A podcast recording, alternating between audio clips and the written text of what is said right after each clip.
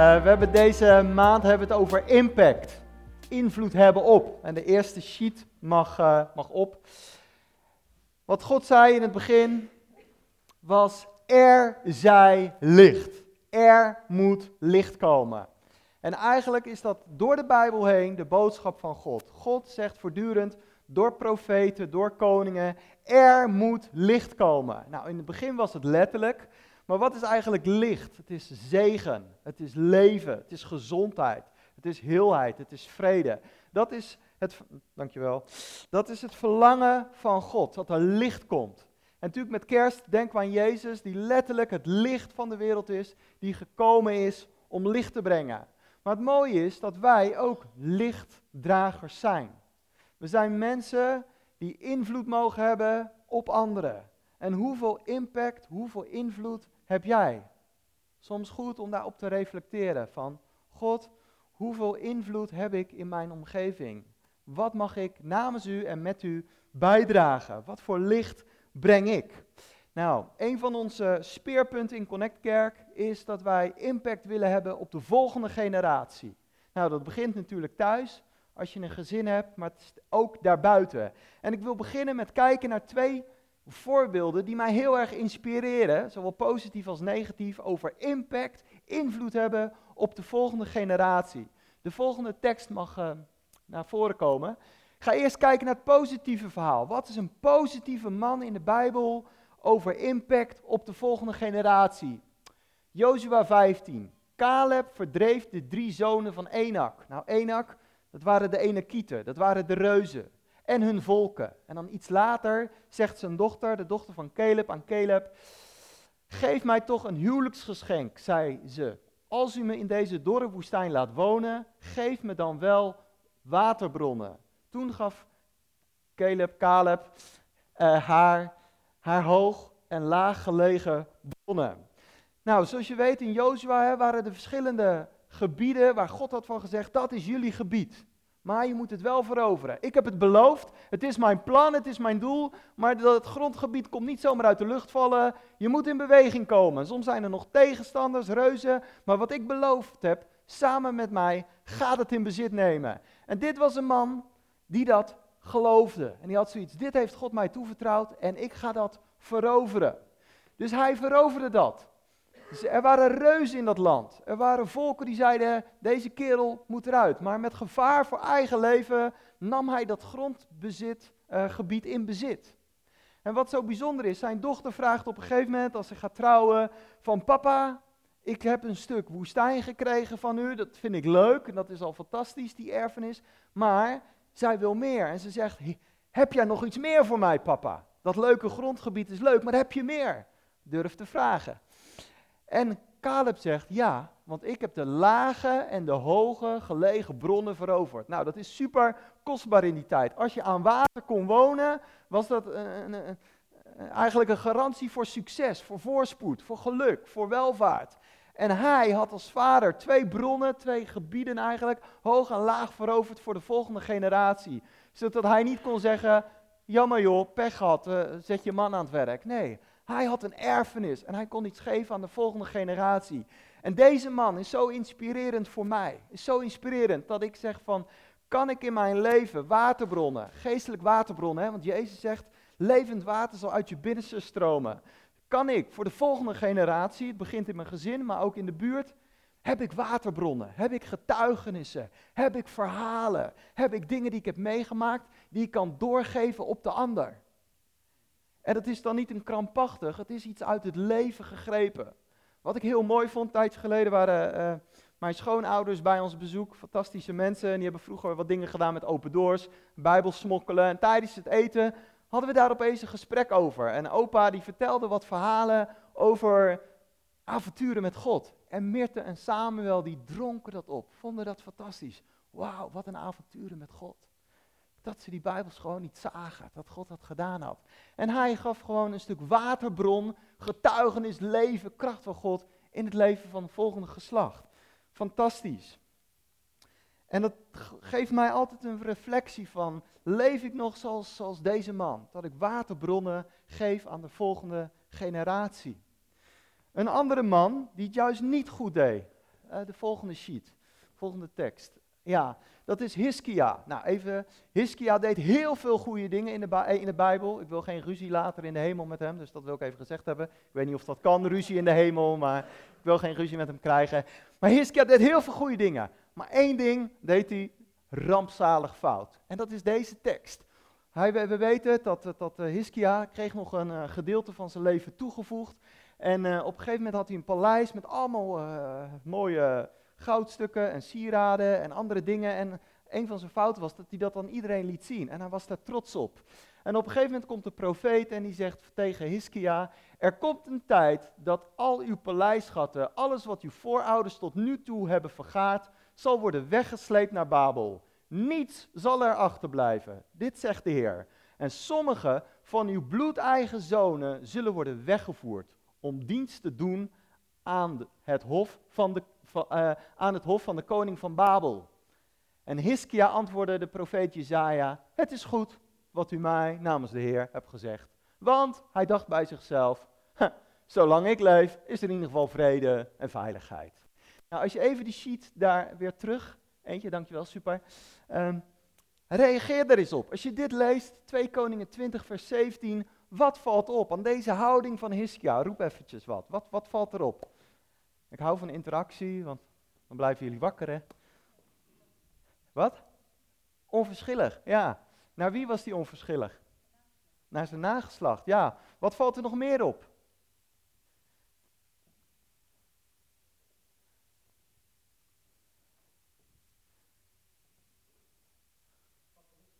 Fatalistisch, ja. Hoe bedoel je dat? Leg eens uit. Nee. Ja. Het is zoals het is, best. Hoe had hij kunnen reageren, Pieter?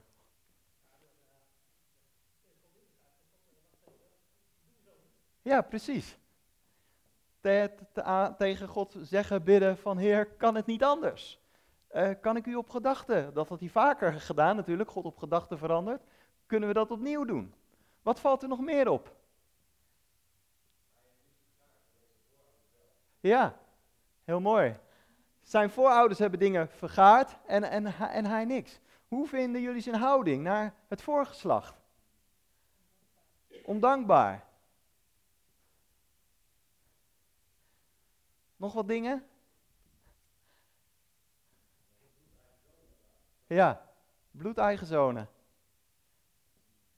Dus moet je voorstellen dat ik, uh, dit is even een valse profetie, dat ik naar Oscar kom van Oscar, jou, jouw kinderen worden straks naar, uh, naar Bagdad uh, getransporteerd. Sorry, naar Bagdad met z'n viertjes.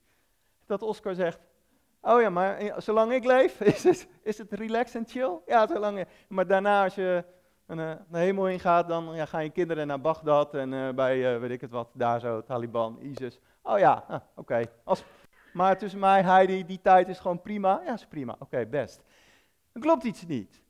Hiskia, je hebt geen eerbied voor je voorgeslacht, geen waardering, niet zoiets van, ja, maar daar hebben mijn voorouders hun best voor gedaan. Ze zijn te ere van God en ook niet voor het nageslacht. Hij laat het maar gebeuren. Volgende sheet, en nog eentje. Uh, nee. Uh, nee, nog eentje verder. Ja, fantastisch. Deze.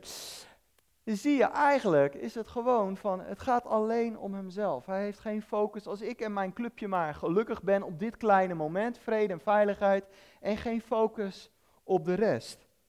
En ik denk, als je het hebt over impact van Hiskia, zijn, zijn godsdienstig leven, zijn leiderschap, zijn koningschap, zijn gezinsleven, was alleen maar gericht op, als ik het maar goed heb.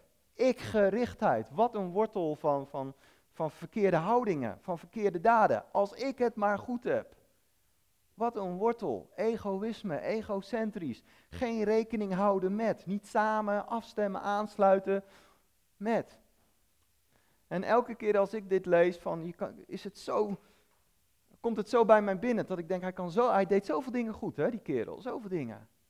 Maar dit punt, en hoe zit het in ons leven? Wat is ons punt, onze blinde vlek van voor de volgende generatie. Ook naar de volgende sheet. Ik denk dat we allemaal zoals we hier zitten impact willen hebben. We willen het hart van de ander raken. De meeste van jullie ken ik en een stuk voor stuk mensen die invloed willen hebben, die zegen willen brengen, die licht en vrucht willen dragen voor God. Maar hoe kun je nou impact uh, uh, leveren? Nou, er zijn heel veel sleutels. Ik wilde, er, ik wilde eigenlijk één, twee vandaag behandelen. Mag de volgende sheet. Een van mijn sleutelteksten daarin om impact te hebben op de anderen is van wij hebben Hem lief omdat Hij ons eerst heeft lief gehad. Wij hebben Hem lief en alle dingen waar Hij voor staat en mee bezig is in zijn wereld, hebben wij lief, opdat Hij ons eerst heeft lief gehad. God liefhebben, daar hebben we God voor nodig. dat kost nederigheid om te zeggen, Heer, ik wil van u houden, maar ik heb u nodig, uw wijsheid, uw kracht, uw motivatie, om in deze wereld waar alles speelt, teleurstelling, ontmoedigheid, gebrokenheid, ziekte, om toegewijd en trouw en passievol, dienstbaar voor u te blijven zijn, heb ik u nodig om u lief te blijven hebben en de dingen waar u mee bezig bent lief te blijven hebben. En uh, ik heb gemerkt, als ik de invloed van God voel op mijn leven, als ik de impact van Hem ervaar, door deze tijden van een bidding, door de voorbeden op vrijdagochtend, door de connectgroep, dan stimuleert mij dat weer om impact op anderen te hebben. Eigenlijk is de kerk een op zondagochtend een ontvangplek om daarna weer uit te gaan, om impact te hebben. En soms is het heel dienstbaar een buurjongetje af en toe laten meeeten. Impact hebben, een voorbeeld zijn. En ik merk elke keer als ik gegrepen ben door de liefde van God, helpt dat mij weer om zeg maar anderen te grijpen met de liefde van God. En ik wil naar de volgende sheet. En het gaat over um, uh, eigenlijk die onvoorwaardelijke liefde van God. Ik heb uh, één dochter, Mirte, de meeste van jullie weten dat misschien wel. En uh, zij zat in haar prinsessenperiode, een aantal jaren geleden. Ik mag deze foto laten zien van haar. Toestemming van de AVG-wet van Mirte gekregen. Maar, en toen kwam ze, toen ze een, een, jaar of vier, vijf, zes, zeven was of zo, kwam ze bijna elke ochtend naar, naar mij toe in een prinsessenjurk. En dan draaide ze zo rond. Papa, ben ik mooi? Papa, zie ik er niet geweldig uit? Dan denk ik, wat is dat nou voor vraag? Het gaat er toch om dat jij jezelf leuk vindt. Waarom moet ik nou? Jij vindt het. Weet je? Maar ik leerde, ik ben niet zo snel, maar ik leerde, voor haar is het heel belangrijk dat ik haar bevestig van, je ziet er fantastisch uit, je bent mooi, je bent de mooiste prinses, samen met je moeder, die ik ken. Ja? Dat is voor haar heel belangrijk. En zelfs na honderd keer kwam ze nog steeds, papa, ben ik mooi? En ik leerde door boekjes van als ik haar bevestig van je bent mooi, je bent knap, je bent de mooiste, gaat ze dat niet zoeken bij anderen. Anders gaat ze dat heel erg strakjes in haar tienertijd, is ze extra gevoelig, extra kwetsbaar. Kan natuurlijk alsnog gebeuren, maar ik wil die kans zo klein mogelijk maken om haar te bevestigen, je bent mooi. Maar ik ben daar verder over na gaan denken. Ik denk, Mirte die heeft dus de vraag van, ben ik mooi? Ben ik goed genoeg? En eigenlijk dacht ik, die vraag die jij nou zo stelt, die heb ik eigenlijk ook. Zelfs als ik hier sta, hoop ik dat, dat jullie er wat van hebben. Dat ik goed genoeg ben, dat het overkomt. En eigenlijk heb ik gemerkt dat heel veel mensen die vraag hebben. Ben ik goed genoeg? Ben ik mooi? Mag ik er zijn? Ben ik speciaal? Ben ik waardevol? En soms doen we allemaal trucjes en maskers en overlevingsmechanismes en op onze tenen lopen. Maar is de vraag nog steeds, ben ik goed genoeg? Zelfs in mijn zwakte. Zelfs in mijn zwakte. In mijn schijnheiligheid, Misschien hypocrietheid, in mijn worsteling en mijn twijfel, gevecht met zonde.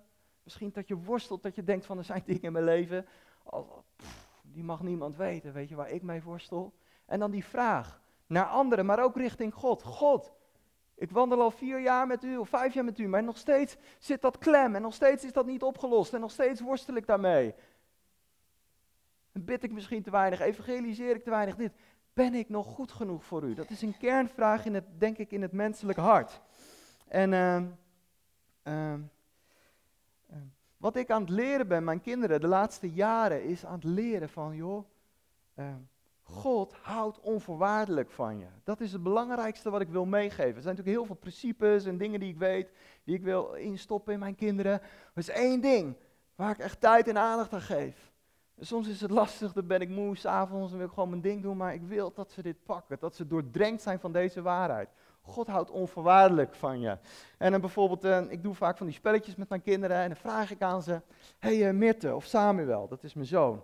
Als je nou heel lief bent, hè, echt super lief, houdt God dan van je? Ja, ja, ja, dan houdt God van me. Als je nou heel goed je huiswerk doet, hè, houdt God dan van je? Ja, ja, ja, dan houdt God van me.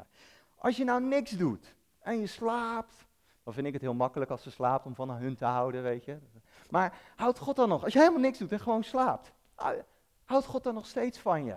Ja, dan houdt God, God, God nog steeds van me. Zelfs als je niks doet, ja, houdt God nog steeds van me. Als je een beetje tv zit te kijken, God houdt nog steeds van me. Maar Mitte en Sam, oh, dat zijn natuurlijk kinderen. Als je nou op de wc zit en het stinkt heel erg, houdt God nog steeds van je. Dan houdt God nog steeds van me. Hey, en Mirte en Sam, als je nou echt niet luistert naar je vader, dat gebeurt natuurlijk nooit, hè, ze altijd in één keer. Maar als je nou echt niet luistert naar papa of mama, houdt God dan nog steeds van je? En ze leren, ja, dan houdt God nog steeds van, je, van me. Noem eens een moment. Noem eens één moment, Mirte of Sam, wanneer God niet van je houdt. Probeer, zet hem op. Kan niet, kan niet. En toen laatst vroeg ik aan Samuel, en dat vond ik zo mooi. Samuel, waarom houdt God zo eindeloos veel van jou? En hij dacht even na. Hij zei, nou ja, omdat hij dat gewoon leuk vindt. Oké, ik vond het zo fantastisch. God vindt het gewoon superleuk om onvoorwaardelijk veel van ons te houden. Ik heel moeilijk, van, uh, omdat hij iets kostbaars in ons heeft gelegd en hij ziet iets van zichzelf in ons. Hij vindt het gewoon leuk om van ons te houden. Fantastisch. Ehm, en als ik een paar opvoedtips mag geven eventjes. Ik denk de allerbelangrijkste opvoedtip, nummer één, is dat, dat je kinderen als ouders weten, je kinderen dat weten, dat jij en ook God onvoorwaardelijk van ze houdt. Dat is mijn eerste tip. Mijn tweede tip is dat zij weten dat God en jij als ouders onvoorwaardelijk van ze houdt. Mijn derde tip is dat God, dat kinderen begrijpen dat God en jij als ouders onvoorwaardelijk van ze houdt. Mijn vierde tip is dat jij in alles laat merken dat God en jij als ouders onvoorwaardelijk van ze houdt. En de vijfde tip is al die andere dingen. Weet je, de basis, onvoorwaardelijke liefde van God. En het bekendste verhaal daarin is, uh, wat mijzelf elke keer raakt, is Lucas 15. Het verhaal van de vader en de twee verloren zoons. Lucas 15. Even kijken, ietsje verder. Um, hij mag, ja, ja. Bekend verhaal dat die vader, een gelijkenis van Jezus, is heel mooi hè, die context. Drie gelijkenissen, drie keer dat God uh, de, de, de persoon weer vindt. En dan um, zegt Jezus in de gelijkenis, er was een vader met twee zoons. En één zoon ging weg. En in het verhaal van Lucas 15 zijn er voor mij drie hoogtepunten van liefde. In het verhaal van Lucas 15 van de verloren zoon drie hoogtepunten van liefde. En die, die wil ik met jullie bespreken. En uh, wat ik, wat, ik weet niet hoe het zit met jullie hart, maar mijn hart is soms dat het heel vurig kan zijn voor God en de dingen van God. En heb ik geloof voor alles. Er zijn ook momenten dat ik bij mezelf merk, ik ben, ik ben gewoon lui en ik ben lauw en ik ben gewoon in sleur en verveling en een beetje boring in mijn leven met God. Maar wat mij helpt op een of andere manier, dat is iets tussen God en mij, is Lucas 15. En om de zoveel tijd bestudeer ik en lees ik weer een boek. Eh, ik heb heel veel boeken over Lucas 15, omdat het mij grijpt om heel dicht bij het hart van vuur van God te komen. En als ik het hart van vuur van God voel, raak ik zelf ook weer in vuur en vlam voor anderen. Het eerste hoogtepunt in dat verhaal van Lucas 15 is dat op een gegeven moment die zoon vraagt aan die, aan die vader van vader, ik wil mijn geld, ik wil mijn erfenis. Nou, eigenlijk zegt hij daarmee, vader, ik wou dat je er niet meer was, ik wou dat je dood was. Wat een schande in die tijd. En die vader die had op allerlei manieren kunnen, kunnen regeren, uh, reageren. Kunnen zeggen, je krijgt huisarrest. Jij komt er nooit meer uit. Of ik onterf je. Hij had boos kunnen zijn en een pak rammel kunnen geven. Die vader had op allerlei manieren kunnen reageren, want het was een schande. Moet je je voorstellen dat je, een, als dat nog kan, dat je naar je vader gaat en zegt van, joh, mag je geld, kun je even je geld in, ik wil je geld. Het eerste wat die vader doet is, hij geeft ruimte, moet je je voorstellen, hij geeft ruimte dat die zoon vertrekt. En dan staat er, het volgende heb ik geschreven. God wil alleen een relatie met ons aangaan op basis van vrijwillige liefde. En liefde is geen echte liefde als deze niet vrijwillig is. Wij kunnen alleen lief hebben als we vrij zijn om dat te doen. De vader had zoveel liefde dat hij niet kon dwingen of kan manipuleren om zijn zoon thuis te blijven, te laten zijn. Want liefde wil niet iets op een verkeerde manier opdringen. En de vader koos ervoor om, die, om het kind te laten gaan, ook al brak het zijn eigen hart. En het was eigenlijk liefde voor vrijheid dat hij zijn zoon niet tegenhield of verhinderde.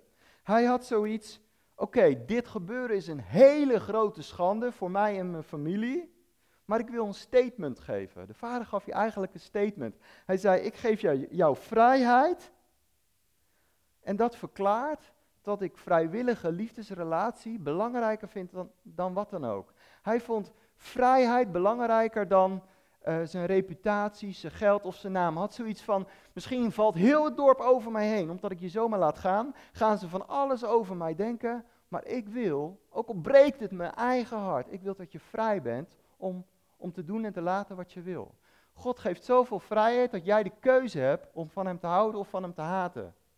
Hij geeft zoveel vrijheid dat je heel dicht bij hem kan leven en heel ver weg. En het is een statement van vrijheid wat de Vader hier laat zien. Laat zien, jij bent belangrijker dan wat dan ook. En ik wil geloven en vertrouwen dat jij terugkomt op basis van vrijwillige liefde.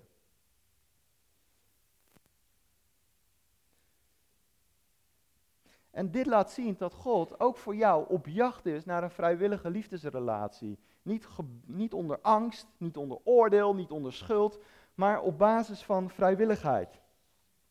En ik geloof, als jij die vrijwilligheid ervaart en die ruimte en die vrijheid, geeft jou die vrij, vrijheid, vooral ook voor Nederlanders, want we willen graag vrijheid, ruimte om impact te hebben op anderen. Dan het tweede. Dat is natuurlijk die verloren zoon, volgende sheet. De, de verloren zoon, die komt weer terug. We kennen dat verhaal, hij komt weer terug. En dan staat er in onze vertaling, hij liep weer, de vader stond op de uitkijk en liep naar hem toe. In het uh, Grieks staat er het woordje van lopen, trekko. En dat betekent uiterste sprint. Er was een uiterste sprint van de wachtende vader om zijn zoon te omhelzen. En wat zo mooi is, er staat ook hij kuste hem. Maar het woordje kussen kan je ook vertalen van veelvuldig kussen. Hij bleef niet ophouden met zijn verloren zoon weer te kussen. En wat zo apart is, is dat die vader opnieuw heel anders had kunnen reageren. Had kunnen zeggen, oh, is dat die zoon die eraan komt? Nou, laat hem maar even in onzekerheid of ik de deur nog wel open doe. Laat hem maar even wachten op de voordeur en dan uh, ben ik boven en dan laat hem maar even sudderen. Had boos kunnen reageren, die vader. Weet je wat me hebben aangedaan? Honderd slapeloze lachten. Mijn erfenis, mijn naam, mijn reputatie, doei. Op allerlei manieren had die vader kunnen reageren. Had in een slachtofferrol kunnen zitten. Het is zo zielig wat je me hebt aangedaan. En nou zat ik alleen met je vervelende broer. Kan toch niet? Ik zo vervelend. Nee, zo reageert de vader niet. Had op allerlei manieren rechtvaardig en logisch kunnen reageren. Maar hij rende naar hem toe en kuste hem en kuste hem. En we, misschien ken je het, hij werd weer aangekleed met een mantel van gerechtigheid, met mooie schoenen, een ring. En het was, als je naar die verloren zoon keek, en hij was helemaal mooi aangekleed, alsof hij nooit de fout in was gegaan. Als je niks wist en je ziet die zoon, je ziet een ring en een mantel, een ding en een glimlach op zijn gezicht, alsof hij nooit in de fout was gegaan. Dat is het kenmerk van als we bij God horen. Alsof we nooit in zonde hebben geleefd. We zijn door Jezus totaal, totaal verzoend. Niet langer een wees, niet langer een slaaf, maar een erfgenaam van God. En uh, de volgende dag, dat staat niet in de Bijbel, maar hoe zou de volgende dag van die zoon eruit hebben gezien? Want we weten, er was een groot feest, er werd aangekleed. De volgende dag had die zoon zoiets van, nou oké, nu ben ik bij mijn vader, alles is weer goed, laat het maar. Of zou je denken, die man, die zoon, die was zo geraakt dat hij de volgende dag gelijk een ontbijtje bij zijn vader bracht, uh, het huis opruimde, het aan iedereen vertelde. Ik denk dat die ervaring, die ontmoeting, die openbaring heel veel impact op zijn leven heeft gehad. Die kerel was niet meer hetzelfde. Ik denk dat je die niet meer hoefde te stimuleren van, hé hey zoon, uh, ga een beetje liefdevol over je vader denken. Nee, die ontmoeting, die ervaring had hem getransformeerd en veranderd. Je hoeft hem niet te stimuleren en aan te sporen van een beetje respect nu voor je vader. Nee, die ontmoeting had zoveel impact, zoveel invloed, dat de vader hem misschien zelfs moest afremmen. Omdat hij zo gegrepen was. En zo zegt, er is mij iets goeds overkomen, ik wil goedheid uitdelen. En dan gaan we naar het laatste verhaal, het laatste aspect. En dat is de oudste broer. Ene laatste dia. Dat is die oudste broer. Die was ook op het land. Was ook een lievelingszoon. God heeft al duizenden miljarden lievelingszonen en dochters. Hè? Iedereen is zijn favoriet. Dit was ook een lievelingszoon van hem. En die vraagt op een gegeven moment, hoort hij geluid. Want de vader, ehm, die had een feest voor die zoon georganiseerd, hè, die verloren zoon. En die uh, slachtte daar het, uh, het gemeste kalf. Daar konden ongeveer 200, 300 mensen van eten. Dus eigenlijk organiseert de vader gewoon een, een buurtbarbecue. En het was ook nog een delicatesse, want het was heel, heel was zeldzaam. Dus een delicatesse barbecue, 200, 300 mensen, muziek en dans. Is dat jouw godsbeeld? Muziek, dans, vreugde, uitbundigheid.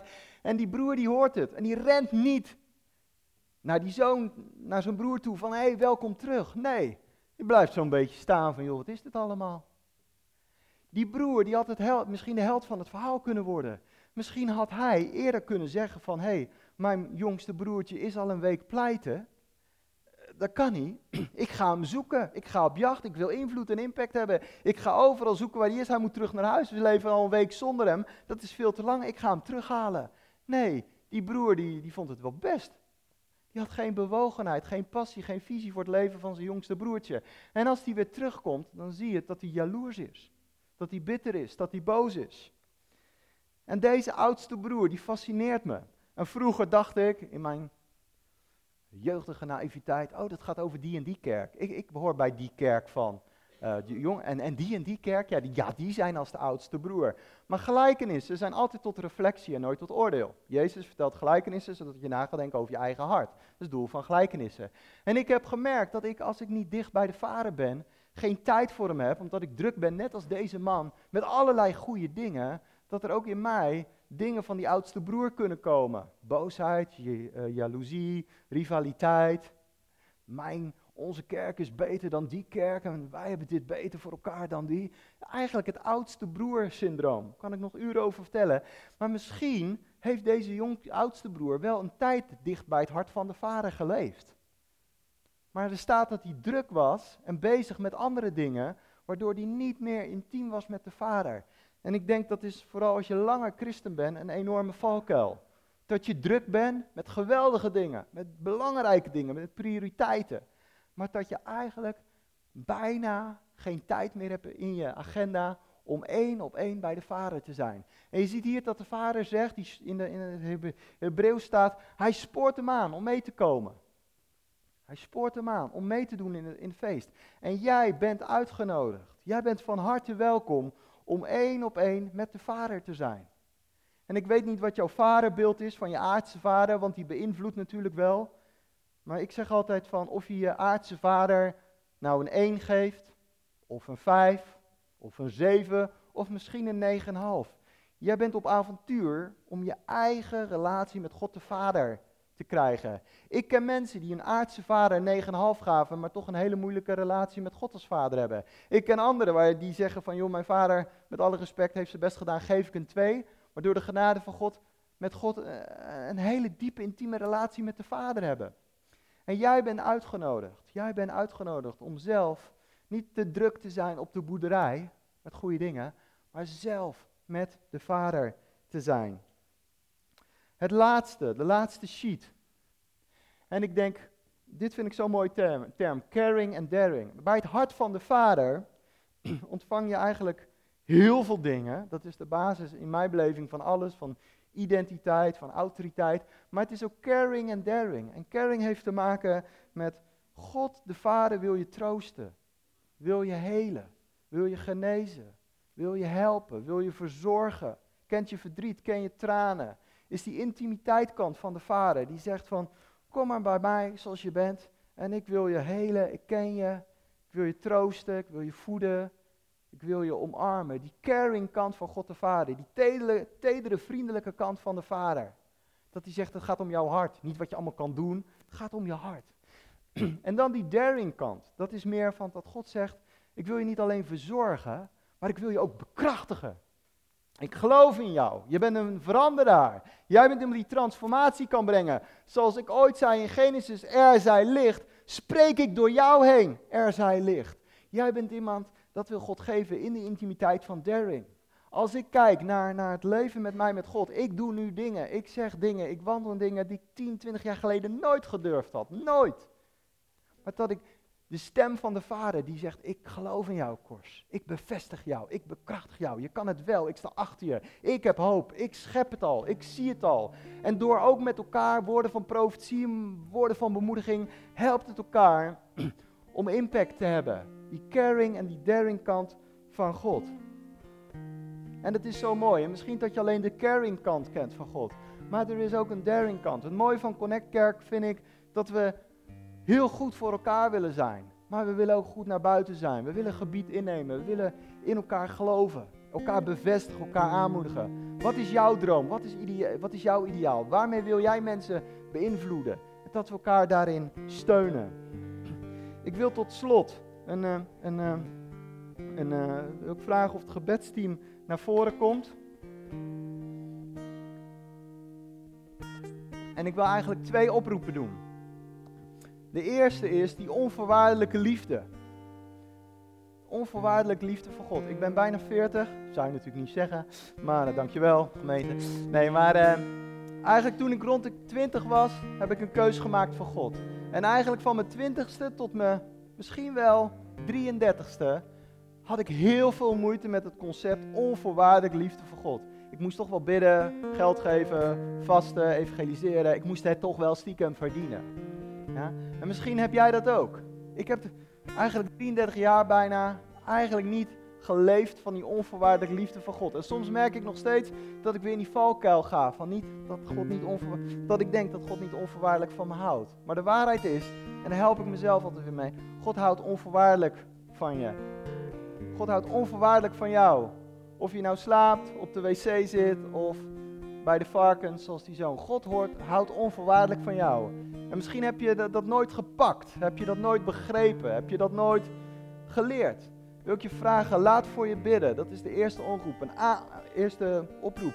Een aanraking van die onvoorwaardelijke liefde van God. Misschien zeg je, ik heb het ooit gepakt, maar ik ben het kwijtgeraakt. Kan gebeuren. Overkomt, overkomt ons. Die onvoorwaardelijke liefde van God. Laat voor je bidden. En de tweede is, um, misschien dat je, dat je moeite hebt met die daring kant van God. Dat God in je gelooft. Dat God zegt van, jij bent iemand die impact kan hebben op jouw buurt, op jouw straat, in jouw omgeving. En dat je zegt, ik, ik vind dat lastig. Eigenlijk leef ik gewoon in mijn christelijke bunkertje. Maar ik vind het lastig om die daring kant te, te, te ervaren. Ook daarvoor willen we voor je bidden. Die daring kant van God. Dat God zegt, ik geloof in jou. En samen met, met, met, met mij kun je die reuzen verslaan, zodat jouw nageslacht daar niet of minder last van hebt. Ja? Dus uh, laten we God uh, gaan, uh, gaan vinden, zou ik zeggen. Vinden, ontmoeten.